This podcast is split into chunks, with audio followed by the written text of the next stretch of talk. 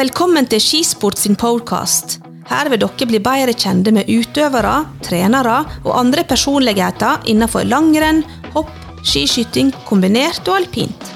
Norge som vinteridrettsnasjon er stor, og det er derfor mye spennende å ta tak i. Vi håper at du som lytter vil få en god opplevelse. Hun var aldri noen barnestjerne, og da hun ble skada som 14-åring, sa flere av trenerne at hun aldri ville kunne komme tilbake i løypa. Dette ville hun motbevise. Så da hun kom inn på skigymnaset på Oppdal, snudde mye seg.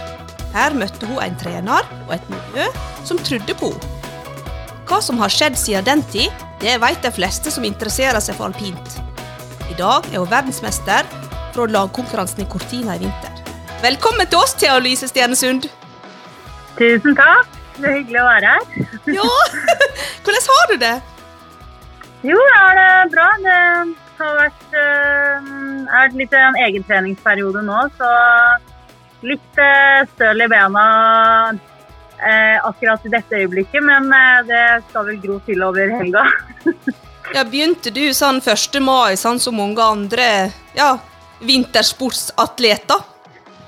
Ja, eller begynte som sakte, men sikkert øh, etter NM øh, litt. Så um, trent litt sånn, øh, sånn etter NM, da har man jo Og påsken er jo litt sånn vår ferietid. Og så um, da trener man og gjør litt andre ting og ja, ikke den normale standardtreninga, da. Så, men nå de siste to ukene så har det vært litt mer den systematiske treninga som er litt rutine, da.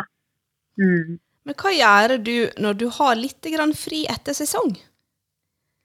Da prøver jeg å Først så må man bare legge beina høyt og slappe av og komme seg på overskuddssida igjen. Man er jo ganske mm, Det er akkurat som at man har kjørt den siste omgangen, så bare går lufta helt ut. Så mm, da må man bare få hvilt seg ut. Og så føler jeg for min del så handler det egentlig bare om å gjøre alt mulig annet som man ikke får tid til ellers. da. Og så gjøre litt ting som eh, man ikke får gjort på vinteren, som jeg gjerne vil gjøre på snø. Sånn som Gorando-turer og prøvde snowboard for første gang. Det var jo utrolig mye mer vanskelig enn jeg trodde, men det gikk jo. Så, så bare gjøre litt og klatre og ja, Jeg liker egentlig bare å prøve ut litt sånn nye ting. Jeg gjøre bare helt andre ting. Så, Men snowboard Jeg er litt sånn ny giv. Snowboard. Altså, hallo, du Mm. må jo ha god balanse når du står på alpint. Ja. Det var, eh, det var liksom første Da vi tok og leide snowboard, så var jeg egentlig mest stressa på heisturen. Eh, men oh. det viste seg å være det letteste. Og så eh, Det var akkurat som at det, når jeg da hadde begge bena festa, så forsto jeg nesten ikke helt hvordan jeg skal gjøre noe som helst. Altså hvordan starter jeg en sving, hvordan Det var vanskelig å bare stå oppreist på brettet for min del. Eh, Men det var det der med å bare godta at nå står jeg sidelengs. Og så um, var det å ramle hver eneste sving ned første tur. Og så allerede andre tur så gikk det egentlig. Så da var det egentlig bare å kjøre på. Og så skjønner man seg mer og mer på det og blir mer og mer trygg, da. For at du Jeg var jo altså divåt av svette, av konsentrasjon uh, fra første runden. For man, man jobber på i sjette gir, ikke sant, med å prøve å få det til. Så um, det var veldig deilig når man følte litt på den mestringa, men det var veldig uvant å gjøre noe uten å ha noen til å si eller ha noe råd om hvordan man skal gjøre, eh, gjøre det. Null hjelpemidler, da. Så veldig rart og litt kult òg, bare knote for seg selv. Ja. Men eh, jeg var litt, uh, litt skeptisk etter første tur. Jeg bare skal, Kommer dette her til å gå? Men du, gøy. du Thea, eh, vi skal snakke litt mer om eh, det som jeg hadde introen, det at, eh, at du ikke var noen barnestjerne. Det kommer vi litt tilbake til. Men eh, de fleste som er veldig glad i eh, vinteridrett, og ikke minst alpint, har jo fått med seg det at du er verdensmester fra eh, februar i Cortina. Eh, hvordan Jeg er så nysgjerrig. Hvordan var det å være der nede og bli verdensmester? Jo, det var jo helt uforventa, så jeg føler nesten gleden ble ekstra stor. Eh, for jeg følte ikke jeg kom inn til det VM-et med noe særlig stor eh, Jeg hadde ganske lav selvtillit eh, inn mot det VM-et, og um, spesielt litt pga.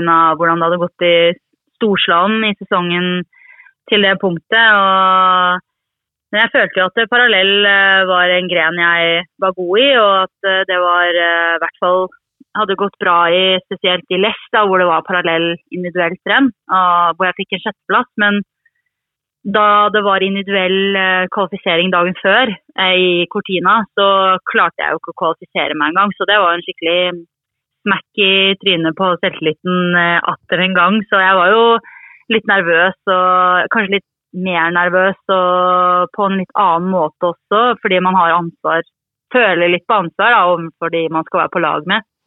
Når jeg ikke hadde eh, vist eh, nivået mitt eller vist eh, noe resultat dagen før da, på det individuelle rennet. Så ja, jeg var litt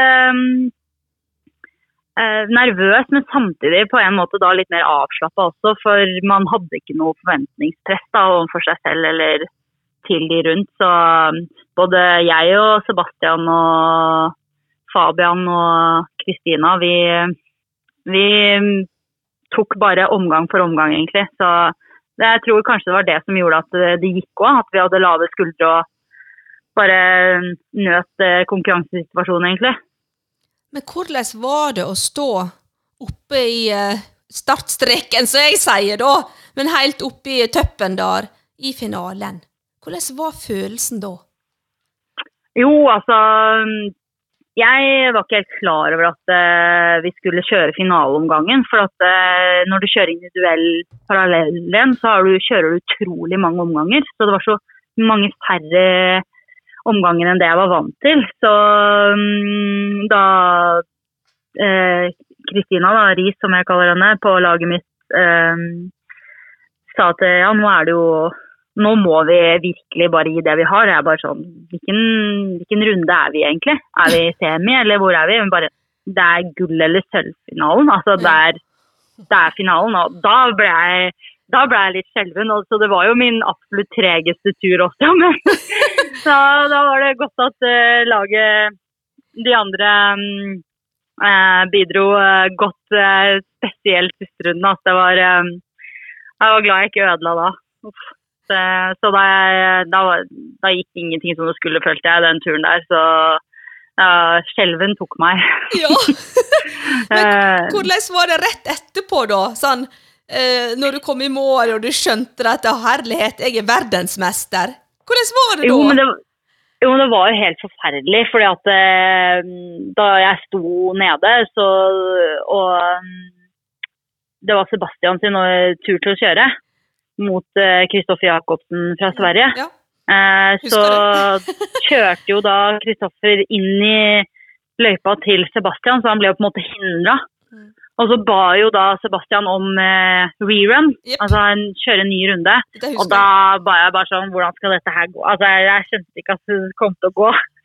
Nei, men da følte jeg den i hvert fall var fortjent da Sebastian vant den omgangen også, og så Fabian også kjørte jo en kongeomgang. Så da, det var, da var det mye hyl og klemmer og Ja, det er en sånn euforisk følelse.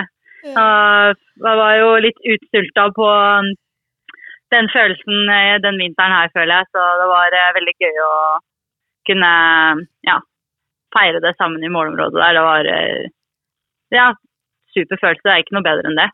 Men tida etterpå, nå har det gått noen måneder. Hvordan har tida mm. etterpå vært? Har du fått mer oppmerksomhet? Eh, ja, jeg tenker på litt sånn eh, sponsorer. Har du fått noe mer sånn, ja, merksemd? Um, både ja og nei. Jeg føler ikke på noen sånn stor forskjell sånn sett. Men det var jo, vi fikk jo hilsen fra kongen og oh! statsministeren, så det, det var jo um, en anerkjennelse i seg selv, det. Så um, Og ja, så jeg føler eh, livet var ganske likt ellers, men eh, det var jo utrolig godt å Vi dro hjem etter VM, så det var jo herlig å kunne komme hjem til familien og vise gullmedaljen. og Det er rart å ha den boksen hjemme her. Ja, ligger det en boks? Ja, en sånn pen treboks den ligger pent pakket inni. Ja, Har du lagt den litt fram, da, slik at folk kan se den, eller bare pakka den ned i en skuff? Å ja, den ligger sånn fint på benken her, Ja, sånn. så bra. Sånn at eh, man naturlig vil åpne den opp og lure på hva som er inni. Nei da. Ja, ja, men dette er jo eh, Dette er jo noe som er veldig spesielt og veldig fantastisk. Mm. Det er noe jeg tar, kommer jo alltid til å ta det med meg, og det ga jo en em, boost for eh, de renna som kom etter, men det var jo um, Jeg er jo ikke vant til å ja, altså Jeg har jo aldri blitt topp tre, eh, hvor det da ble så mye altså Da er det jo utrolig mye mediatid etterpå. Eh, så det var jo Man var jo bakken tre-fire timer lenger enn alle andre på konferanser og ja, det var ikke vant til det. Så Sebastian var litt mer rutinert på det, følte jeg. Ja, ja nå skal du gå her, nå skal vi, nå skal vi dit. kunne du lære litt av han, da. Ja, jeg var litt sånn ehm, Ja, det var en ny, ny setting, da. Men det var jo lære, lærerikt. Mm. Men du, Thea Louise, jeg er veldig nysgjerrig på ja, hvem du er, og oppveksten din. Hvor bor du henne? Eh, hvor er du Mm. oppvokst henne?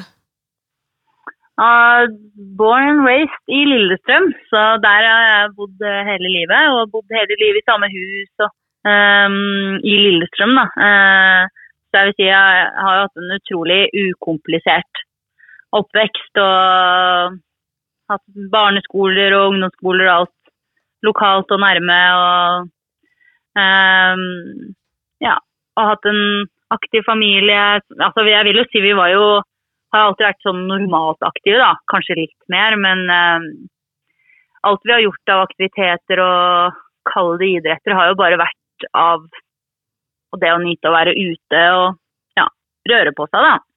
Vi var jo Jeg har vært en familie med, som alltid har hatt mye energi, så um, det, det har alltid vært uh, Veldig glad for den barndommen jeg har hatt. Jeg er Veldig takknemlig for det. Og veldig trygt og godt å løpe rundt i gatene her og ja, jeg synes det har vært helt fantastisk. Jeg skulle ikke tweaka på noe om jeg hadde hatt valget. Men dreiv du med flere forskjellige idretter opp igjennom? Ja, altså hom, um, Lillestrøm er jo en typisk uh, håndball- og fotballby, uh, vil jeg si. Så håndball uh, drev jeg jo med fra jeg var liten, og syntes jo det var utrolig gøy. Og så um, var det den der perioden hvor man ble med alle så de forskjellige venner på alle mulig rart de holdt på med. Så det ble for å finne ut litt hva man ville holde på med, eller hvor man syntes det var artig å være, eller hvis det var et miljø man klikka litt bedre inn i. Og, så jeg har vært innom mye rart, men det var håndball jeg drev mer fast med. Og så sto jeg jo på ski sånn én og to ganger i uka. Eh, eh, I Nilelia, som var Strømmen og Lillestrøm skiklubb. Eh, den er jo finnes jo ikke lenger, da. Den ble lagt ned for en god del år siden. Men eh, eh, Og det var jo også bare helt tilfeldig hvordan vi kom inn i skiverden, da. For eh, jeg har jo ingen i familien min som har drevet noe aktivt med alpint eller eh, noe sånt. Så eh, det er jo moren og faren min har jo bare vokst opp med det, akkurat sånn som med å stå på ski. Akkurat sånn som at man lærer å svømme, hvis du skjønner. At det er noe man bare skal kunne. Mm. Eh, ikke noe racing-relatert. Så eh, vi ble jo da sendt litt sånn på skiskole og skitrening for å kunne da dra på skiferier og ja, at det er noe man kan gjøre da, når det er vintertid. At det er en aktivitet man kan holde på med. Så det var aldri, det aldri noen intensjon i det, eller noen baktanke med de forskjellige idrettene vi holdt litt på med. da. Både, ja, jeg har jo en bror som er ett år eldre, så han begynte på en måte på ski et år tidligere enn meg. da, Så ville jeg selvfølgelig slenge meg med, for jeg lurte jo, lurte jo fælt på hva broren min drev med. Ja. Ville jo være med. ja. Så det var jo eh, veldig tilfeldig. Så det var mange år med bare eh, skikjøring fordi det var gøy og håndballtrening på siden, da. Så ja, det var, jeg, det var ingenting av de to jeg prioriterte noe mer enn det andre, hvis du skjønner. Men husker Eh, du, I lang tid. husker du første gangen du var med på en alpintkonkurranse? Åh, jeg husker ikke kanskje aller første rennene, men jeg husker jo godt at um, jeg, eh, jeg skjønte jo at det var mer vanlig at man hadde på farset enn man hadde på boblebukse og boblejakke. Um, for det hadde jo jeg, og det husker jeg. Både jeg og mine skivenninne da vi var små, da, som heter Maria, vi, vi, vi syntes ikke det var så kult å ha på boblejakke og boblebuksa, og liksom 90 av det farset. Så da var vi sånn, Hvis vi skal kjøre et renn til, så skal vi ha det. Var liksom det, var, da, da, det var vi veldig tydelige på. Det er, det er nesten det jeg husker best. Så, det er sånn småglimt her og der av eh, minner fra barneskirenn.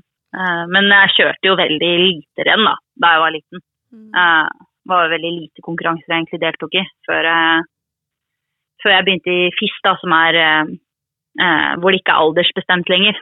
Mm.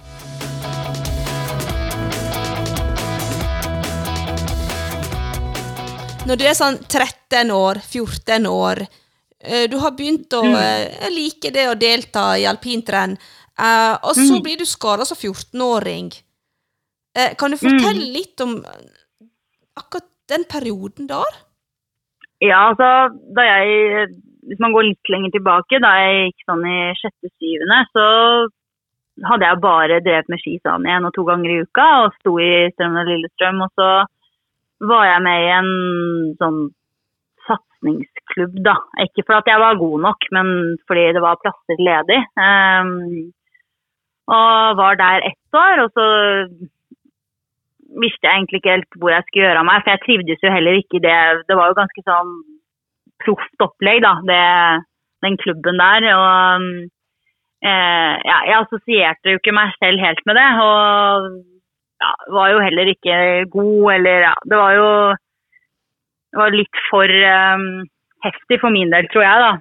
Eh, så jeg ville jo tilbake til på en måte mindre klubb og um, ja, litt mindre miljø. Og eh, noe kanskje litt mer nærme også. Eh, og da men da fantes jo ikke Strøm og Lillestrøm lenger, og så sto det liksom mellom eh, Rælingen da, eh, eller Hakkadal. Men så kjente jeg en, eh, en jente i Hakkadal eh, som jeg har kjent fra jeg var liten, så det var liksom faktoren til at jeg begynte der. da. Og da jeg begynte i Hakkadal, så var det jo egentlig det store Jeg begynte jo bare der for at det, eh, der hadde jeg noen jeg kjente. Og hvis jeg hadde begynt i Rælingen, så hadde jeg begynt på den de, for Rælingen hadde nemlig en sånn gruppe som var for de som ikke har tenkt å satse, men bare for de som vil stå på ski for gøy, da. Um, så jeg var jo veldig nære med å begynne i den gruppa der, i Rælingen. Men uh, siden jeg kjente en jente i Akadal, så begynte jeg der og hadde tre fantastiske år der. Utrolig mye latter og jeg tror ikke jeg har ledd så mye på tre år som jeg gjorde der. Så Um, det var et fantastisk uh, skimiljø der, altså. Og, men jeg begynte jo da, da begynte jeg jo åttende når jeg var i, kom inn i Hakadal. Uh, og da, da, var det sånn da jeg begynte på ungdomsskolen, så tok jeg jo fransk. For jeg, jeg, skulle, jeg hadde bestemt meg for at når jeg var ferdig i 10. klasse, da skulle jeg slutte på ski uansett. Uh, så da ville jo jeg gå tann, jeg ville bli tannlege, så da tenkte jeg da er det lurt å kunne fransk, for da skal man ha mer med eh, Frankrike å gjøre når det gjelder eh, medikamenter og bla, bla, bla. jeg var jo ikke på tysk eller å tenke noe eh, mot eh, alpinverden sånn sett. Så liksom målet mitt var bare å kunne være med på hva skal jeg si, hovedlandsrennet da, for aldersbestemt. Altså. NM da, for. Um, inntil 14-15-alderen. Jeg veit godt hva det er for noe. mm. Og så det var liksom min drøm, da, å komme meg dit. Uh, og ja, sto egentlig bare på ski for gøy. Og så, da jeg brakk benet, så var det akkurat som at um, det var sånn lyn fra klar himmel som bare pjom inn i skallen på meg. Så da skulle jeg plutselig Fikk jeg ekstremt sånn lyst til å Jeg følte meg ikke ferdig med ski likevel, da. Mm. Og um, jeg vet ikke hvor den motivasjonen kom fra engang, men jeg tror det handla litt om Eh, jeg tror det var veldig sånn bevisen, beviselsesmotivasjon, hvis du skjønner. Jeg hadde veldig lyst til å vise at eh, jeg kunne bli god, jeg òg, hvis jeg la, la, tid og krefter ned i det. Um, og energi, da. Um, så for jeg de rennene jeg hadde kjørt og alt, jeg, jeg hadde jo ikke utgjort noen ting innenfor alpint. Altså når det gjaldt resultater, ikke noe. Og um, jeg følte at liksom da jeg brakk beinet da, så følte jeg veldig på det at da regna folk med at ja, ja, ja, da slutter Thea nå, da. Ikke sant? Mm. Og Nei, jeg ble Jeg vet ikke, jeg bare ble supermotivert av at det skjedde. Så hadde sikkert Jeg vet ikke om jeg hadde stått på ski i dag hvis, hvis ikke det hadde skjedd. Så hvem vet. Men da må Så- du ha hatt noe i deg, tenker jeg, da. Noe i deg som eh, et vinnerinstinkt, konkurranseinstinkt. Og så det at du sikkert har hatt glede av å være på ski. Altså det må være en blanding der, Mm. tenker jeg. Mm. Ja, det var noe For det som var, var at dette skjedde jo da på høsten, ikke sant. Sånn, eh, og eh, Hvor skulle jeg? Det var, det var akkurat som at eh, Og da gikk det litt bra rett før jeg på en måte skada meg. Den samlinga der plutselig løsna det litt på ski. Ja. Og så jo, kjørte jeg fortere og fortere, og jeg følte på mestring på en sånn annen måte jeg ikke hadde gjort før. og Jeg husker det veldig godt. da, at eh, Jeg så liksom på hver runde litt annerledes enn det jeg hadde gjort før. Det var ikke bare at man tok heisen og passerte portene. Det var, ble på en måte noe man utvikla seg med, da, tur for tur. Og man prøvde på en måte på å få til de nye oppgavene. og det, Plutselig var det akkurat som at man ble litt mer sånn voksen da, og ja, mer eh, Hva skal jeg si eh, Fokusert da, på hva man faktisk skulle gjøre for å kjøre fortere. Eh, og da når man på en måte fikk igjen for det, da, så, og det gikk på en måte bedre, så var det Og da når man da brakk beinet, så ble det veldig sånn stopp i den plutselige nye følelsen av skikjøring som jeg ikke hadde kjent på før. Så da ble jeg veldig sulten på å komme tilbake til det, da. Da kjente du at det Um, var noe du hadde inne som du hadde fått litt ut, du, Ja, bare, bare jeg følte jeg bare hadde jeg følte liksom at jeg hadde bare fått en bitte liten smakebit på det, så Ja. da ble jeg jo veldig sånn sulten så på det. Så det var eh, egentlig kult, og jeg er veldig glad for at eh, det beinbruddet gikk så bra som det gikk. Og ja, det var, ble jo, endte jo opp med ja, margnagel og skruer og sånn inn i leggen, som jeg tok ut eh, senere da, i første klasse på videregående. Så, um, og hatt eh, null komplikasjoner med det, utenom at det, det beinet er litt kortere, da, men det kjenner jeg ikke noe til, så det går veldig fint. oh, ja, det høres nå litt dramatisk ut, da, men ja. Nei, jeg ble litt høyere enn de regna med, så det var um, alltid vanskelig å skulle For når du går inn, sånn jeg har skjønt det, er at hvis du går inn i margen da, på benet, så slutter det å gro. Altså, eller vokse i lengden, da. Ok. Så, og det er inn der den metallstanga da går. Så da når de velger, går inn i leggen min og endte opp med å For de ble nødt til å operere. Jeg prøvde jo kjempelenge med å ikke gjøre det. Eh, for jeg var midt i den fasen hvor jeg var akkurat ikke ferdig utvokst. Ja. Så da var jo spørsmålet ok, hvor mye høyere kommer jeg til å bli. Eh, så de regna med at jeg, da tok man en sånn måling og ditt og datt, og at jeg skulle bli sånn ikke 1,73, men så ble jeg jo 1,76. Så Ja. det, mm, men eh, det har gått helt uproblematisk. og jeg tror, eh, sånn jeg har skjønt det, så sier fysioer at de fleste har forskjell på lengden på bena uansett. Så det har gått øh, veldig smertefritt, altså. Så Det er å eh, høre. Ja, ja, ja. Så Men du, Lise, jeg har snakka med en person. Um, Det er ikke sikkert at du husker vedkommende, men kanskje du gjør det. Uh, vedkommende han beskriver deg som et råskinn. Han eller Mhm. hun. Han eller hun. Det kan være hun òg. Uh, ja. vedkommende sier at du er veldig inkluderende og åpen, og tar vare på de som er rundt deg, at de har det bra. At du er nysgjerrig innenfor trening. Og det siste vedkommende sa, jeg bare sier et stikkord, kjøleskap. Kjøleskap. Ja. Hvem er det? Er det Olav Kjøtskift? Nei. Kjøleskap. Ja, for jeg fikk jo høre at jeg løp som At jeg da jeg begynte på Oppdal og hadde første Ironmanen min der, så fikk jeg beskjed om at jeg Da sa Olav Kjøsvik det til meg at eh, du, du sprenger som et åpent kjøleskap, du, Thea. Og jeg bare mm, Nei, det er ikke ikke, sånn, det er, eh, det er ikke han. Kjøleskap. Ja, Du må ikke bare tenke kjøleskap, da. du må tenke råskinn, inkluderende, nysgjerrige. Er det Hallgeir Wogner? Ja. Ja, det var, det var, var en oppdaling i hvert fall. Ja! Jeg snakka med han. Han var rett og slett på Høgfjellet og gikk på ski. Ja, ja, ja, Og så eh, Nei da. Så, eh, for, for det jeg tenkte nå, var å komme inn på dette med Oppdal. For det at du eh, kom på skigymnaset der. Mm. Og eh, han ble vel en av dine gode trenere, ble ikke han det? Ja, ja, ja, absolutt. Altså, jeg hadde jo trenere i Hakadal som hadde gått på Oppdal selv, ski, opp på skigymnaset selv. Og jeg hadde jo helt ærlig ikke hørt om Oppdal engang. Altså byen i seg selv, ja, ingenting. Jeg var, var, var Oppdal? Nei, Oppdal.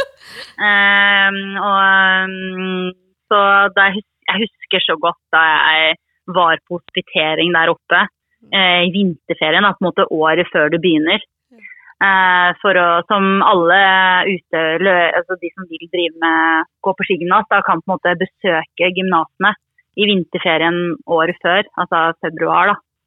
Eh, og da drar man opp på hospitering, og jeg husker at jeg fikk så sjokk når man kjører E6 mot Oppdal, og jeg så den bakken som bare så ut som en vegg. Ja. Eh, og jeg hadde kjørt i Varingskollen og syntes at det var en solid og bratt bakke. Eh, og fikk liksom litt nytt perspektiv på hva som er bratt. Eh, og jeg husker så godt jeg tok heisen opp der og sa til uh, klubbvenninna mi, da, som også skulle begynne med, der, begynne med meg der, eh, hvis vi kom inn. da. Og så sa jeg sånn Jeg håper ikke at det er så bratt som det ser ut herfra, sa jeg da jeg satt på heisen. Og um, tar heisen opp og skal begynne å komme meg ned. Og jeg husker at jeg satte meg ned i bakken og bare Jeg tenkte hvordan skal jeg komme meg ned? Jeg syntes det var så bra. Så det var helt sjokk for min del. Og da tenkte jeg jo bare, da jeg var på hospitering der, så tenkte jeg bare hvis jeg kan kjøre bra ned her, så kan jeg kjøre bra overalt. Hvis jeg mestrer det her. Så um, da ble man jo enda mer gira på å ville komme inn der, da. Og eh, altså, også, i positering så er det jo også sånn barmark, da, hvor vi er i hallen og spiller fotball og ja, gjør litt av hvert, da. Um, og så var det som sagt fotball, og jeg er jo elendig i fotball. Jeg tenkte bare åh nei, nå kommer de til å se hvor dårlig jeg er, og kommer jeg jo ikke inn. Og jeg var jo stressa for alt sånn, ikke sant. Ja. Um, så jeg tenkte bare det beste jeg kan gjøre nå, er bare å løpe på alt jeg har. Og ok, det er en time med å bare kjøre seg helt ned. Um, det har vært veldig morsomt i, i ettertid da Hallgeir har prata eh, nevnt til meg da, at han husker så godt at jeg hadde meia han inn i, inn i ribbeveggen. Det var, husker jo ikke jeg, for jeg var bare superstressa og skulle ta tak i den ballen. Jeg hadde ikke så veldig mye annen teknikk enn å løpe i kroppen på de som hadde ballen. Så det var liksom det jeg gjorde. Fantastisk. ja, det litt andre spilleregler. Nei, men jeg syns Mm. det var så artig å prate med han, og når han sa at du var et råskinn, så tenkte jeg hm, dette her, ja, det forundrer meg ikke, tenkte jeg da. Ja, men det er jo et flott og bra kompliment. Jeg tar imot det. Altså. det Men hvordan var de åra i Oppdal? jo, altså for det første, når jeg fikk den Det husker jeg så godt, da jeg fikk det brevet om at jeg var kommet inn. Altså, jeg bare knakk helt sammen. Jeg var så, for jeg var så besatt på å skulle begynne der. Eh, jeg følte bare det var en eller annen mening med det, og, at jeg så at det var Hallgeir som skulle være trener for 96-kullet, da. Tenkte jeg bare det der, jeg må bare begynne. Altså, jeg må gjøre alt for å komme inn der. Eh, Jeg tenkte bare det var en mening med det. Og mm, så jeg var jo bare superglad, men det som var, var at det året jeg søkte, så var det jo sånn at det var- så få som søkte på Oppdal det året at alle som søkte, de kom inn. Men jeg var jo fortsatt dritstolt. Jeg bare 'Jeg kom inn!' Ja. Uh, men, så det å begynne der, det var jo uvant for meg. da. Jeg hadde jo bodd hjemme hele tiden og flyttet hjem fra hjemmefra fem timer som 15-åring, det var jo på en måte litt skummelt, men samtidig så var det et trygt og bra sted å flytte til, og alt var så utrolig nærme, da. Og innenfor en kort radius. Så um, det var et fantastisk sted å flytte til, for å si det rett ut. Og um, det å bli en del av det miljøet og være en del av det skigymnaset, og ikke minst være med på uh, utviklinga. Uh, på å gjøre det til et best mulig miljø for å utvikle seg. Um, det var skikkelig kult. Det kommer jeg til å ha med meg for alltid. Og det er mange av de um, holdningene og tankegangene og sånn som jeg fortsatt har med meg nå. Som jeg vil være med på Som jeg lærte der og var med på å starte, da. Så det var uh, sinnssykt kult å um, være en del av. Mm. Men det å flytte når du er så unge, bodde du alene, eller bodde du sammen med andre? Nei, da flytta jeg sammen med eh, jeg heter Rebekka eh, Stenersen, som jeg gikk i Hakadal med. Ja. Som også ville begynne på skigymnas. Så da jeg, jeg, jeg, jeg, vet ikke om jeg hadde nesten turt å flytte helt alene, men eh, det gjorde det jo veldig mye enklere. Eh, og at vi på en måte gjorde det der sammen.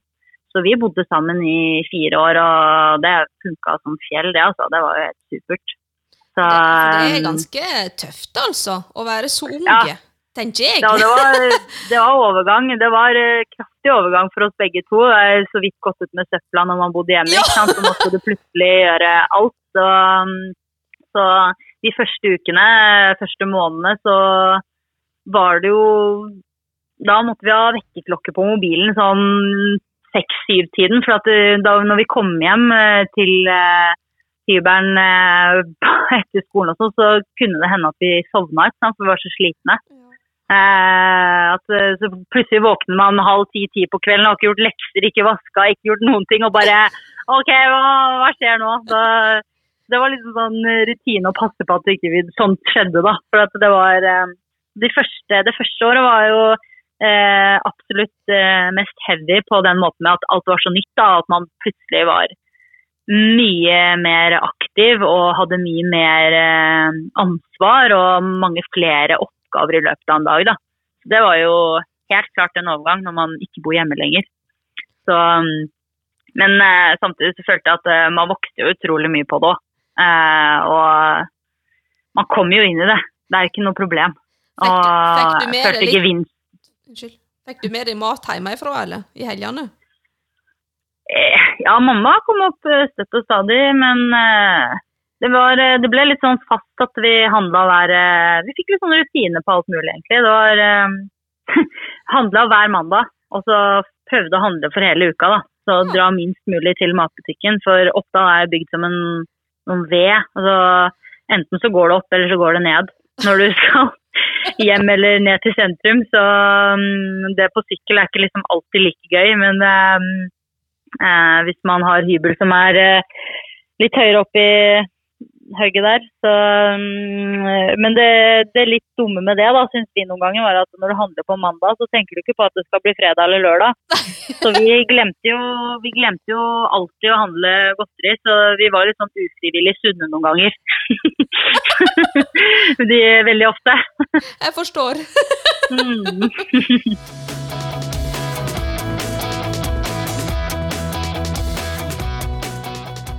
Jeg er mm. litt nysgjerrig. Nå har du begynt å trene deg opp igjen til neste sesong. ikke sant? Hvordan ser ja. en vanlig uke ut for deg i august-september, på en måte før sesong? Um, altså sånn så, nå, når mandag, mandag, som kommer nå, så har vi da fysiske tester som på en måte måler litt hva formen vår har vært gjennom vinteren, hvis du skjønner. Hva vi sitter igjen med etter en skisesong. Og så trener vi da et fellesopplegg i barmarken ut juni. Mm.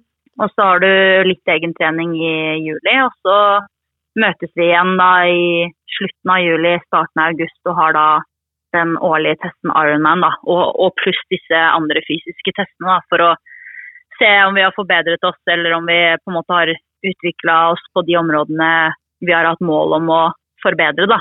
Um, uh, så nå går jeg inn i en ganske eh, altså men, eh, inn i en periode med ganske stor totalbelastning da, når det gjelder trening. Så um, nå disse to foregående ukene som har vært, så er det bare egentlig å forberede seg inn mot det, sånn at man tåler den belastningen da, som nå vil komme. Så eh, perioden for meg i august-september er det jo fortsatt ganske mye barmarkstrening, men da blir det vel en del samlinger, da. Da kommer det til å komme litt skisamlinger. Eh, som da vil være i Mellom-Europa, mest sannsynlig. Kanskje én i Norge først, da. I, på enten Folgefonna eller Juvas, da. Ja, Juvas. Juvasbreen. Ja. Så um, få satse på å være godt trent til den tid. Men trener du en del alene på sommeren? Um, jeg er ikke veldig glad i å trene alene, men eh, noen ganger så må jo det til. Uh, så uh, så som disse to ukene nå er jeg trent alene, og så nå går vi inn i en fellesperiode da, hvor vi alle trener sammen i rundt fem uker eh, hver dag. Bortsett fra lørdag kanskje, og søndag er uansett helt av. Eh, og mm, så er det vel tre uker i juli da, hvor du kan trene for deg selv om du vil. Eh, eller da er det på en måte egen treningsperiode, men er vi i området i nærheten av hverandre, så kan det være litt lettere å få kjørt gjennom en litt fæl økt eh, i selskap med noen andre. så mm, gjør helst det, men eh, det er jo da man har litt tid til å eventuelt dra på ferier andre steder, eller hvis man ja, kanskje ikke nå det året her under koronasituasjonen, da, men det er jo den perioden man har tid til å dra til utlandet eller ja, gjøre andre ting. da, Og hvor du kan styre, styre uka litt selv, men at du må få gjennom øktene da, som er satt opp. Så du har jo på en måte et eget, eget treningsprogram som er satt opp for deg, som vår barmarkstrener hjelper oss med. Men hva er ei tøff barmarkstrening for deg? Um, altså, det tøffeste er når vi har liksom tre økter på en dag. Um, vi bikker jo ikke over det, men um, sånn som nå Jeg kan jo ta den uka som har vært nå, som er på en måte litt mildere eh, uka. Eh, som er liksom forberedelsene inn mot det litt tøffere. Det er jo eh, da har man jo to beinøkter. Jeg har to beinøkter i uka, for jeg har ikke noe stort mål om å forbedre styrken uh, noe særlig. Bare holde den der den skal være, og så kanskje utvikle meg litt mer på det mer utholdende området på beinstyrke. Ikke så mye på det maksimale. Eh, og så er det da tre intervalløkter i uka, og så er det to, to stab, eh, altså stabilitet av mage og rygg-økter i uka, og så er det to overkroppsøkter i uka, da. Men når du sier intervall, hva mener du med det? Da er det enten arob eller anarob, da. Um, så intervaller, da kjører jeg enten Det, det jeg har på programmet nå, er enten åtte to minutter, eller fem fem minutter, eller tre ti minutter. Eller så kan du også ha eh, si på lørdager, da, når du på en måte kan ha fri hvis du vil. Um, så du, kan du ta noe som heter naturlige intervaller, da, hvor du sykler deg en runde og så trår du på når det er oppover, og så lar du terrenget styre intervallene, hvis du skjønner. Mm. Eh, som da vil foregå over litt lengre tid. Men eh, man har alltid mål om at eh, en intervalløkt da skal alltid ha minst 20 minutter arbeidstid, hvis du Mm, skjønner. Altså ja. det skal bli 20 minutter intervalltid til sammen, da. Men sjonglerer du mellom å sykle og springe? Eh, ja, vært mye syk eh, sykling eh, de siste to årene spesielt. Eh, men eh, litt av at jeg har hatt litt sånn eh, irritert kne med jumpers. Eh, jumpers knee. Mm. Så det er, jo, det er jo da betennelse i den patella-scenen da, Mm. som går over kneet og inn. Mm. Som lårmusklene er festa til. Eh, og da er løping kan være litt det er veldig triggende for akkurat det. da, Alle sånne hurtige bevegelser. Men eh, i år, så nå i egen treningperioden, så har jeg hatt litt mål om å ha litt variert intervallform. da, At enten går jeg rollerblades oppover med staver. Eh, da ler jo disse altså Jeg kan tenke meg at disse langrennsløperne oppe i Holmenkollheim må le av oss altså, når vi kommer opp med rollerblades og staver. Og altså, jo, den teknikken er jo ikke noe å se på, for å si det sånn. Men eh, vi, vi oppnår det vi skal, i hvert fall. Vi blir slitne og har eh, høy puls. Så du går ikke på rulleski? Nei, vi gjør ikke det. Vi går med rollerblades. Ja, skjønner det. Ja. Eh, så enten rollerblades eller sykling, og så rointervaller. Ja. Um, eller løping oppover, da. Så hvis jeg løper på mølle, så er jeg som oftest i hvert fall tre i stigningen. da. Det tåler Ja. Da blir ikke kneet mitt like irritert, da. Men uh, det er ikke noe som plager meg stort. Men uh, det er liksom som oftest de intervallformene det går i. Mm. Jeg syns det er litt sånn spennende å høre hvordan dere alpinister trener. For jeg er en sånn mm. gammel løper, ikke sant? og jeg Ja. springer stadig vekk. Eh, og jeg er ikke så veldig vant med å intervjue alpinister. Og da syns jeg det er sånn interessant å høre liksom hvordan dere gjør treninga. mm. Ja, det er jo litt sånn Vi har jo det er jo, er, setter jo liksom allsidighet veldig høyt, men samtidig så må man jo øh, Jeg tenker man har jo så og så mange timer å få trent i løpet av en uke, da, med kvalitet og med at du tar deg ut ordentlig. Så da må man jo Og så har vi jo Jeg vil jo si at eh, eh, vi har jo fem uker nå, og så liksom de tre ukene ut juli der. Og det er jo en forholdsvis egentlig kort periode å skulle eh, justere på ting og forandre på eh, hva du vil bli god på og ikke, eller hva du skal prioritere eller nedprioritere og sånne ting. Så man må jo velge tida litt sånn møysom, møysommelig da, med hva man velger å trene. Så eh, jeg vil jo si at det uansett er veldig allsidig, men det, går jo, det er jo veldig mye av øktene som går på ben. Ja. Det vil det jo alltid være, ikke sant? Fordi Ja. vi trener jo da to eller tre beinøkter i uka, og så har man jo da teknikk-motorikkøkt, som vi kaller det, som går mye på balanse, Mm. eh, ytterpunkter, ikke sant. At det, det er litt mer fullkroppsøvelser, eh, og gjerne litt mer alpinspesifikt, da, ikke sant. Stå på skråplater, sånn at du ligner på skiposisjonen og eh, vannbager og sånne ting. Da. Også noe som vi også kaller for robusthetsøkter, da, som går, kan gå på det at ryggen skal tåle eh, posisjoner som du havner i på ski. Da, ikke, sant? ikke bare den knebøy-ryggposisjonen, for den har du jo nemlig ikke på ski. Så det er litt det der, eh, Og mange av disse øktene går jo mye på bein. Så man har jo da Man kan jo si at man har tre beinøkter i uka, men du, så har man jo også intervaller opp Holmenkolltrappene, som man alle vet tar godt i beina. Eh, Ja. Eh, da kommer den skjelven. ja. Um, så um, det er mye som går på beina, men det, altså alt skal jo sitte sammen. For at det, de G-kreftene du skal stå imot i en sving, det, må jo, det går jo gjennom hele kroppen. Så det å være sterk i altså bekkenet, altså bukmuskulaturen og ryggen, det er vel så viktig. Eh, så det er ganske sånn det er, veldig, det er veldig få ting vi ikke burde gjøre, hvis du skjønner. Men armene, da? Jo da, trener armene, men det er jo mye av disse um, stabilitet- og mageøktene har mange øvelser som også tar på armene, hvis Ja. du får skjønne hva jeg mener. Så, Ja. mm, så um, vil jo si at uh, overkroppsøktene er jo kanskje ikke så prioritert, men jeg, jeg slenger ofte overkroppsøvelser inn med de stabilitetsøktene, da. Ja.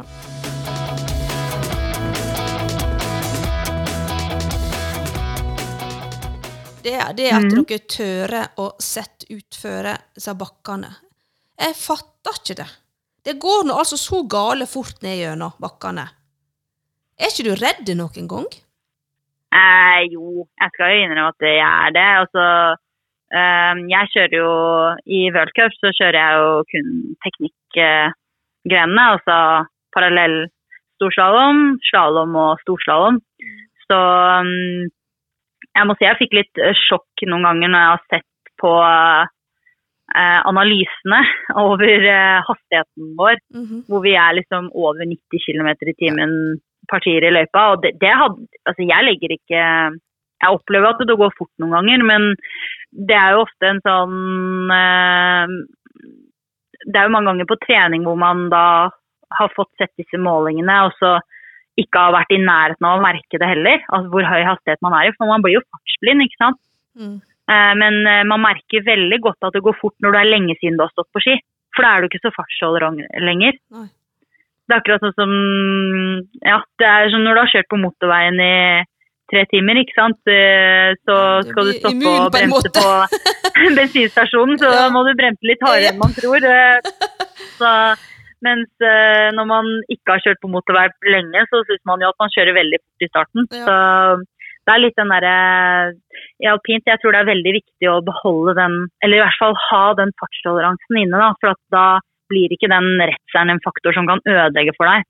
For at det, det syns jeg, jeg, jeg synes det er veldig irriterende hvis jeg kjenner at det, jeg registrerer at farta er høy. At det er liksom en tanke som i det hele tatt dukker opp hos meg. Ja, Da blir jeg sånn, den, den skal ikke komme. Du skal jo ville at det skal gå fort. Ikke sant? ja.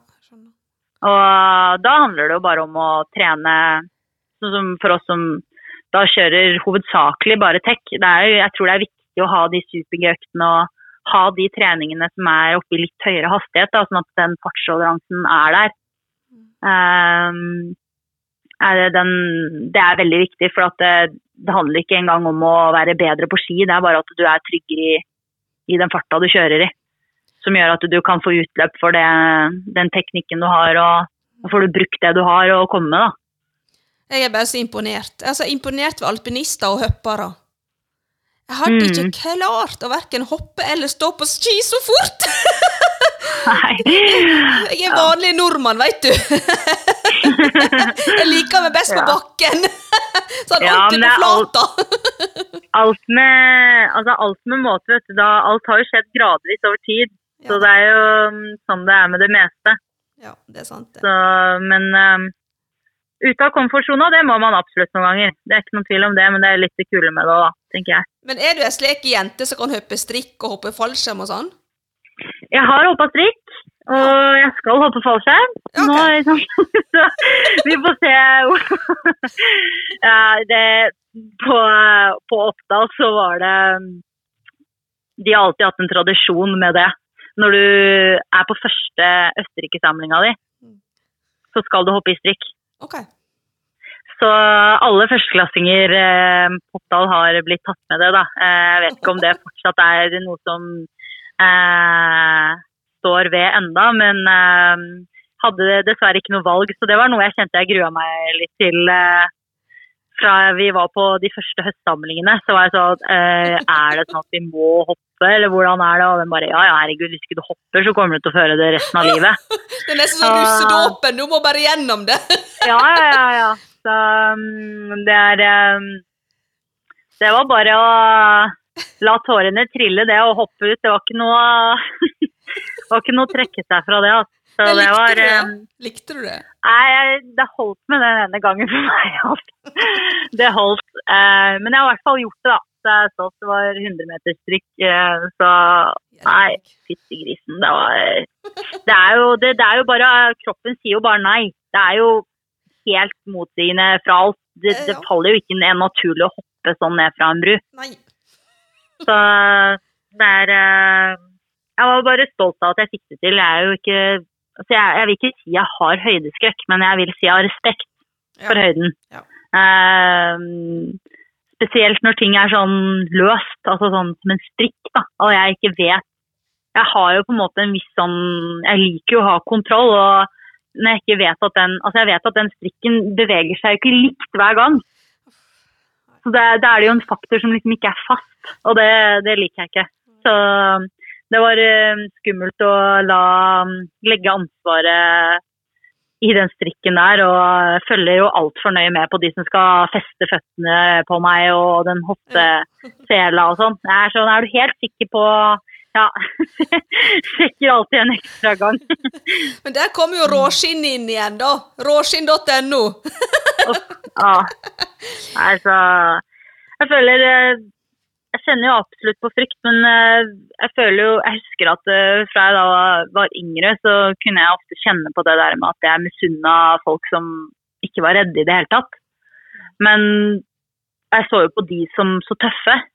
Men så har jeg også tenkt litt sånn, eller i hvert fall sagt til meg sjøl, at jeg, jeg syns jo egentlig man er jo man er jo egentlig tøff når man gjør noe man syns er ubehagelig. Ja. Altså at man tør, at man presser seg forbi det selv om man er redd. Jeg syns jo det egentlig er litt det å være tøff òg. Mm. Uh, så det det har jeg egentlig tatt litt med meg, den tanken alltid. at uh, Og det har hjulpet meg mange ganger òg. At eh, jeg har jo vært en løper som ikke har kjørt så mye fart. Altså, I Norge så er det jo mm, ikke så mange fartsrenn i løpet av et år. Um, og så når man da kom inn på europacuplaget, så hadde man da kjørt ja, utfor egentlig nesten bare fire ganger da, eh, i livet sitt. Eh, og så plutselig så fikk man muligheten til å stille opp på e Europacup utfor en.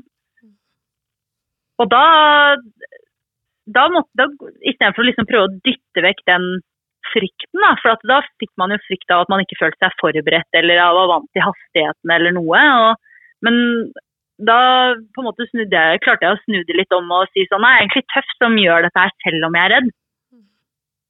Ja. Og det er jo eh, Og det, det gikk jo superbra. Så det var jo bare Og den, den følelsen av å være i mål da og faktisk ha klart å overse eller godta at den klumpen er der, men likevel gjennomføre, da, det er en sinnssykt kul følelse.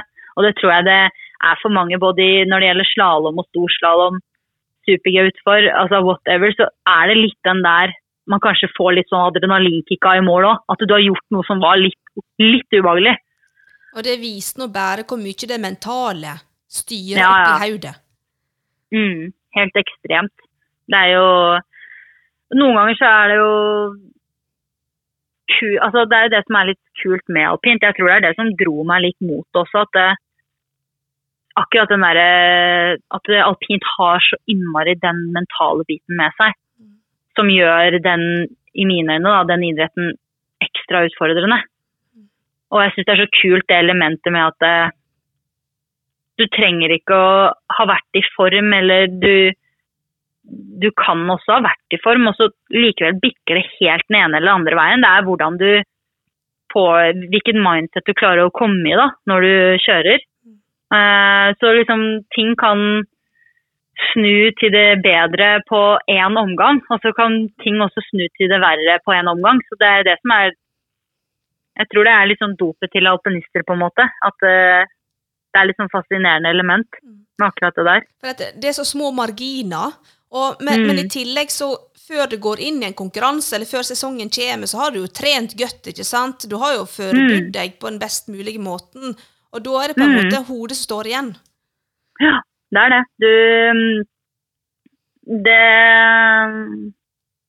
Det er det som er så viktig. Altså, du kan jo trene teknikken din og kjøringa di og alt så mye du bare vil, men hvis du glemmer å trene hodet ditt i, samtidig, så mm, kan jo renn bli vanskeligere enn det trenger å være. Ja, putter du hodet opp i larmen, armen, så går ikke det. Nei, så det er like viktig å eh, bry seg om det elementet som kanskje, kanskje er viktigst, da. Altså den mentale biten. Eh, for har du det på plass, så kan du få så mye mer ut av det du har, enn eh, hvis du ikke gjør det. Det, Det kan jeg jo skrive under på selv. At man innen denne sesongen her var jo på en måte eh, tøff for meg sånn sett. At man Altså, jeg jobba Følte sjøl, da, at eh, jeg brukte hver dag på å virkelig prøve å bli bedre. Og jeg var så sulten på den sesongen her og var jo sånn halvfornøyd med fjorsesongen og ville gjerne snu det, da. Og mm, ja, trente jo sinnssykt mye inn mot uh, Sølden og inn mot rensesongen. Og brukte egentlig alle tid og alle krefter på å skulle gjøre det bra, da. Men eh, man bare driver og Jeg tror jeg kunne ta meg selv litt i at man jobba med kjø, bare kjøringa. Og så glemmer man litt kanskje det, det med hodet. At det, det er viktigst at det er på plass for eh, min del.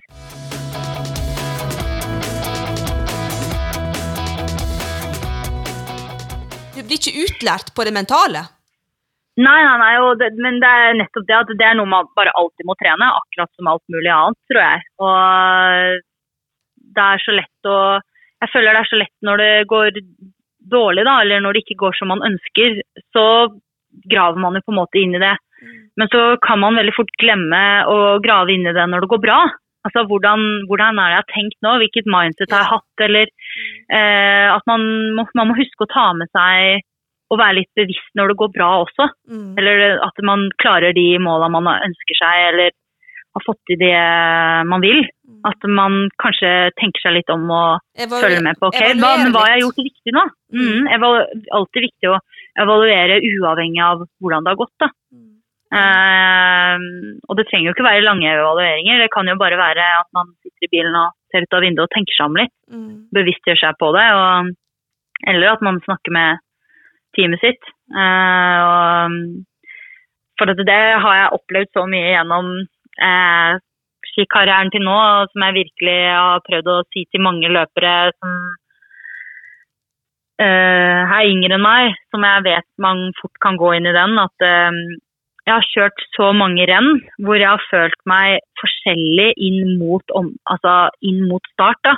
Altså, du kan ha følt deg så dårlig på warm-up, da, på oppvarmingsløypene, og følt at du ikke har kontroll på noen ting, og alt føles surrete og vanskelig, og så har det gått kjempebra. Og så har du hatt andre ganger hvor du har følt at eh, nå gikk det dritbra, nå føler jeg at eh, nå er jeg der oppe, nå, kommer det, nå skal jeg bare kjøre og ha det bra. Så har det gått dårlig. ikke sant? Så man kan ha følt seg på så mange forskjellige måter og ha likt eller helt ulikt utfall. da. Så det er noe som har hjulpet meg veldig mye, å slutte å på en måte la den følelsen du eventuelt har før rennet, gå innpå deg, da, hvis du skjønner. Ja. Det tror jeg er veldig viktig, at uh, ikke la den avgjøre hvordan Ikke ta noe på forskudd, da. Mm. Verken nedtur eller opptur. Uh, den, den er jeg veldig glad for å ha lært, da. Uh, og det hjelper veldig å ikke være så vurderende over hvordan det går før du kjører rennet. Går det bra og du føler deg bra på warm-up, supert, men fortsatt fokuser på hva du skal gjøre og hvordan du skal kjøre. Og ikke tenk noe fremtidige tanker Og, og, og om uh, Dette her er vel Mm. noe som en toppidrettsutøver som uh, konkurrerer og har på en måte dette her som et arbeid, som vil, mm, en opplever dette her veldig sterkt inn på kroppen, fordi at uh, ja, det er hodet og kroppen som er jobben. Og mm, da, da kommer dette her veldig tett innpå. mm. Det gjør det. Altså, og så tror jeg på renndager så blir jo Du registrerer alt så mye tydeligere. Altså, fordi at du er så bevisst, for nå er det renndag. Ja. Ikke sant? Altså sånn du Man kjenner mye mer etter på hvordan man føler seg. Eh, man kjenner mye mer etter på hvordan kjennes beina ut, er kroppen. Du kjenner mye mer etter på hvordan det går på warm-up. Ja. Altså, altså, med to streker under, du kjenner mer etter. Ja. Og det kan gjøre ting mer utfordrende, da. Eller, eh, og da får du på en måte flere tanker som kan vippe deg enten den ene eller den andre veien. Ja. Så det er den der med På trening så er man mye mer um, avslappa, da. Eh, altså misforstå meg rett, man er jo ikke avslappa, men sånne småting registrerer du kanskje ikke like sterkt, da. Nei, nei. Og det er også sånn da når du f.eks. når du tar stavene ut av startgaten, så kan jeg oppleve at ting bare kjennes annerledes ut bare der. Ja. Fordi at jeg kjenner etter. ikke sant? Det er ikke noe du kjenner etter eller tenker over på trening. Nei. Når du tar stavene over startpinnen, så eh, Eller at du, du registrerer hastighet mye mer, for at du, du driver og kjenner etter går det fort eller ikke. ikke sant? Bare at man kan fort havne der, da. Vet du Noen hva? ganger. Jeg forstår det Mm. godt, for når jeg drev med friidrett Så når, når det var altså med på Når det var eh, ferdig, ikke sant, og så går jeg fram til startstreken Og hvis jeg sto, Mm. sto litt sånn feil i posisjon, Ja. da står jeg på en måte i bane fem eller et eller annet, bane fire og så hvis jeg sto Mm. litt sånn, jeg var litt skjelven Å, litt sånn, «Åh, Nei, var ikke helt innafor. Ja, ja. Sant? Og var sånn dårlig start på løpet, altså. Ja, ja, Sånne ja, ting som kan backe deg ut. Mm. Og som man legger mye mer merke til da enn det man gjør på trening. Uh, så Nei, det der er litt sånn fascinerende å tenke på. Men så er det jo jeg tror det er bare bra å bevisstgjøre seg på det også. Uh, Men Mm. en ting jeg lurer på, føler du, eh, Thea, at du er egoistisk som en, at du er utøver? Er, du, er det egoisme i bildet her? Ehm, uh, jeg vet ikke. Altså, jeg føler jo altså, Det har jo vært utfordringa mi at jeg ikke har vært det. Altså, De åra jeg gikk på ski nå, så kunne jeg bruke tid og energi på kanskje litt for mye på det rundt meg, og de, og de jeg hadde rundt meg. Uh, og glemme litt meg sjæl oppi det. Uh, hvis eksempel, hvis noen hadde en veldig tøff treningsdag eller uh, tøff dag i bakken, eller sånn, så kunne jeg bli litt opphengt i det og ville ta heisen med de og på en måte få de til å snu det rundt. ikke sant? Så, øh, og, um, mens jeg har jo For jeg har jo ikke villet bikke over til det å være kynisk heller. Eh, men så det er jo bare litt sånn jeg er som person, at jeg må passe på at ikke jeg bruker for mye tid på det rundt. da, At jeg husker å bruke tid på meg selv. Så selvfølgelig, jeg driver med individuell idrett, og mange av valgene jeg tar i hverdagen er jo til hensyn for meg sjøl. Men eh, det utenom det så føler jeg Jeg håper jo ikke at jeg er ego. Eh, men eh, jeg har alltid vært veldig opptatt av at de tinga Si det er noe jeg føler på eller noe jeg i treninga og sånn, så har jeg alltid vært opptatt av å gå til lagvenninnene mine og høre på om dette er noe de også føler på at vi skulle gjort annerledes, eller at de Jeg er of- ofte opptatt av at eh, det skal være en felles ting, da. uh, hvis noe skal forandres. For at hvis det, jeg kan være litt sånn, hvis det bare er jeg som føler på en ting eller ønsker noe, så er jeg sånn Nei, men da trenger jeg sikkert ikke det. Skjønner du hva jeg mener? Da trenger jeg sikkert ikke det. Så um, det er noe trenerne mine og sånn har prata om at det må jeg bare gjøre. Altså jeg må spørre om ting og eh, ikke kreve ting, men man må kommunisere og lufte de tankene man har, da. Selv om man bare er alene om tankene eller følelsene. Eller ideen man har eventuelt. Så jeg tror eh, jeg har ikke vært så flink på det. Altså være sunt ego, hvis du skjønner. Ja, jeg skjønner. Jeg. Bare spør, jeg, vet du. Mm. Men du, hva liker du å gjøre på når du ikke trener? Oh, um, jeg, altså jeg er veldig glad i å være ute. Eh, jeg, ikke, jeg kjenner jeg blir i dårlig humør hvis jeg er for mye inne. Men ehm, jeg, er, jeg er veldig glad i å spille tennis. Det syns jeg er supergøy. Uh, og det er jo en liten avsporing her, da, men hver sommer så pleier vår barmarkstrener å legge inn en ny idrett som vi på en måte ikke har gjort før. Ja. Og sommeren to, to eller tre år siden nå, så hadde vi nemlig tennis. Og jeg hadde aldri spilt tennis før. Og det var så gøy å lære det fra bunnen av, altså lære grunnteknikken. da. For da, da kunne man på en måte utvikle seg mer og mer. Da. Så det, var, det er tatt med meg videre derfra. Altså. Så det er virkelig blitt en hobby siden det. Så tennis er jeg kjempeglad i. Og så eh, er jeg veldig glad i å tegne. Det har Det jeg jo fått med meg, skjønner du. Å ja. Ja, for du har tegna motivet som du har på kjørehjelmen din. Ja. mhm. ja, det var jo superkult. Eh, altså, måten den havna på hjelmen, var jo at eh, jeg har jo eh, Sweet Protection er jo sponsoren min Mm. når det gjelder hjelm og briller og eh, diverse. Og mm, så syns jeg på en måte Jeg ville på en måte gi noe mer enn å bare prøve å kjøre fort på ski og få resultater. Så tenkte jeg at jeg ville gi dem en tegning, da. Så eh, ga jeg dem en tegning som jeg ramma inn og bare ville gi det som på en måte litt ekstra, da. Eh, og så når høsten etter, så eh, Når vi skulle få nye hjelmer og briller og sånn, så um, sier Atle i Sweet bare sånn Kom her, så skal du få se. Og så tar jeg hjelmen ut av boksen, og så var tegningen på. Så de overraska meg med det. Det var oh. utrolig kult. Så det var um, Ja, det satte jeg veldig pris på. jeg sitter og ser på den eh, hjelmen eh, på, uh, på Mac-en min her, Mm. med tegninga di. Og det er en dame, Ja.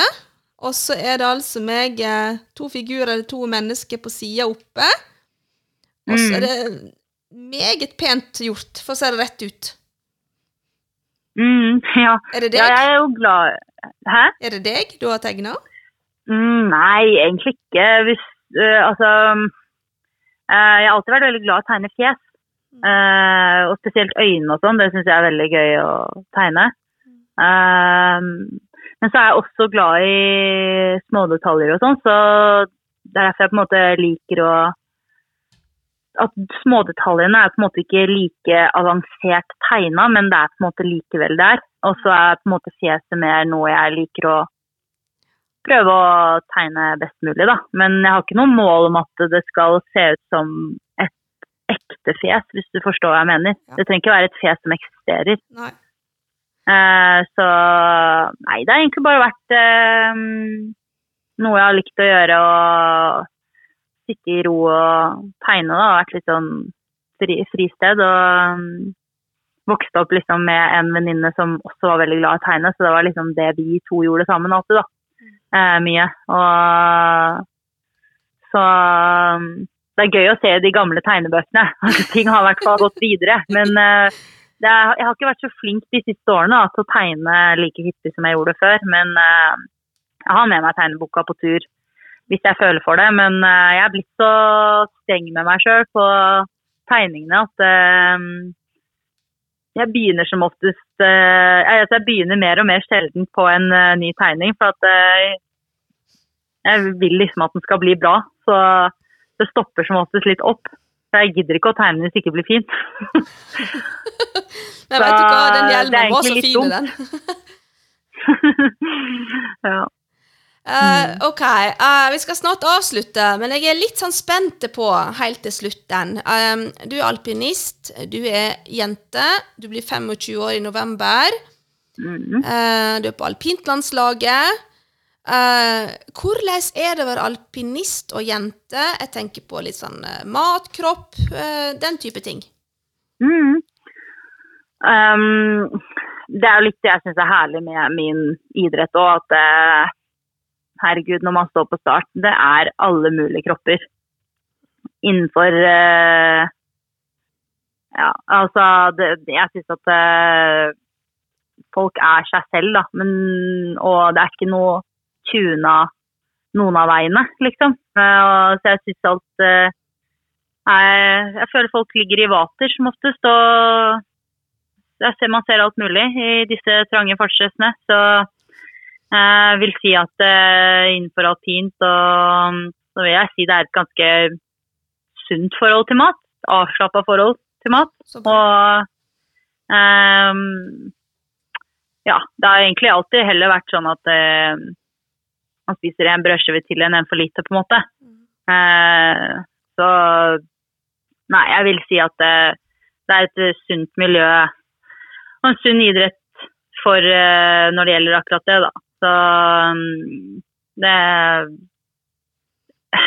det er jo litt det der med at eh, man skal jo, sånn som i alpint, da, jeg, man skal jo trene på en sånn måte at eh, man er seg selv best mulig. Og eh, så må man jo bare spise nok og bra nok til at man får ut det. Og mat er et så viktig kilde for å få den energien til å skulle trene så mye som vi gjør, og trene såpass mye styrke som vi gjør også. Så det er så viktig da å få i seg det man skal. Og så Vi har alltid fått høre fra vi er små at eh, vanlig norsk kosthold er eh, mer enn bra nok. Så jeg har egentlig bare holdt meg ved det. Mm. Vet du hva, det syns jeg er veldig godt å høre. Mm. Og så lurer jeg på helt til slutt, hva er din favorittrett? Uff, det er jo um, Altså, jeg er jo veldig glad i ting som smaker Altså, jeg er veldig glad i sushi, eksempel. Jeg er veldig glad i indisk. Altså, har du smakt pashwari nambrød? Altså, jeg spiste meg helt på det. Ja, på Nanbrød jeg prøvd, men ikke akkurat det du sa, for du sa noe annet. Ja, forsvar i navn. Det altså, Bare å dra på New Delhi. Jeg måtte, ble, jeg måtte dra hjem og bli henta. for jeg hadde spist meg i hjel på det. Så jeg spiste meg rett og slett dårlig på Det var så pashwari godt. nan-brød. Ja, så da dro alle de andre videre, og uh, jeg måtte ringe hjem og si 'mamma, ja, kan du hente meg?' Jeg er mett. Og jeg bare hun sier hva er det som har skjedd nå? Jeg har spist, forspist meg. Hun bare igjen. Det har skjedd før, skjønner du. Ok. Så det er ikke alltid det er lett å stoppe når ting smaker godt. Så det er også noe jeg er veldig glad i å gjøre, da. Jeg er veldig glad i å lage god mat og spise god mat og sånn. Og så være ute på havet og spise reker og Nei, det er eh, Jeg syns jo veldig mange settinger og veldig mye koselige minner jeg har, har jo vært rundt middagsbord. Så det er noe jeg forbinder med noe som er hyggelig. Så kjekt å høre. Mm. Veldig kjekt. Men jeg elsker jo også jeg elsker norsk husmannkost. Altså Gir du meg medisterkaker og kjøttkaker og surkål, tyttebær Å! Ja. Det er det Altså, julaften er eh, Det er det beste. Så Nei, jeg er jo egentlig altetende sånn sett. Utrolig kjekt. ja, ja. Men du, Thea. Vet du hva? Mm. Nå har vi prata godt og lenge. Og det har vært så kjekt å prate med deg. Mm, I like måte. Tusen hjertelig takk. jo, takk selv. Så ønsker jeg deg så mye lykke til videre. Ja, takk. Tusen takk.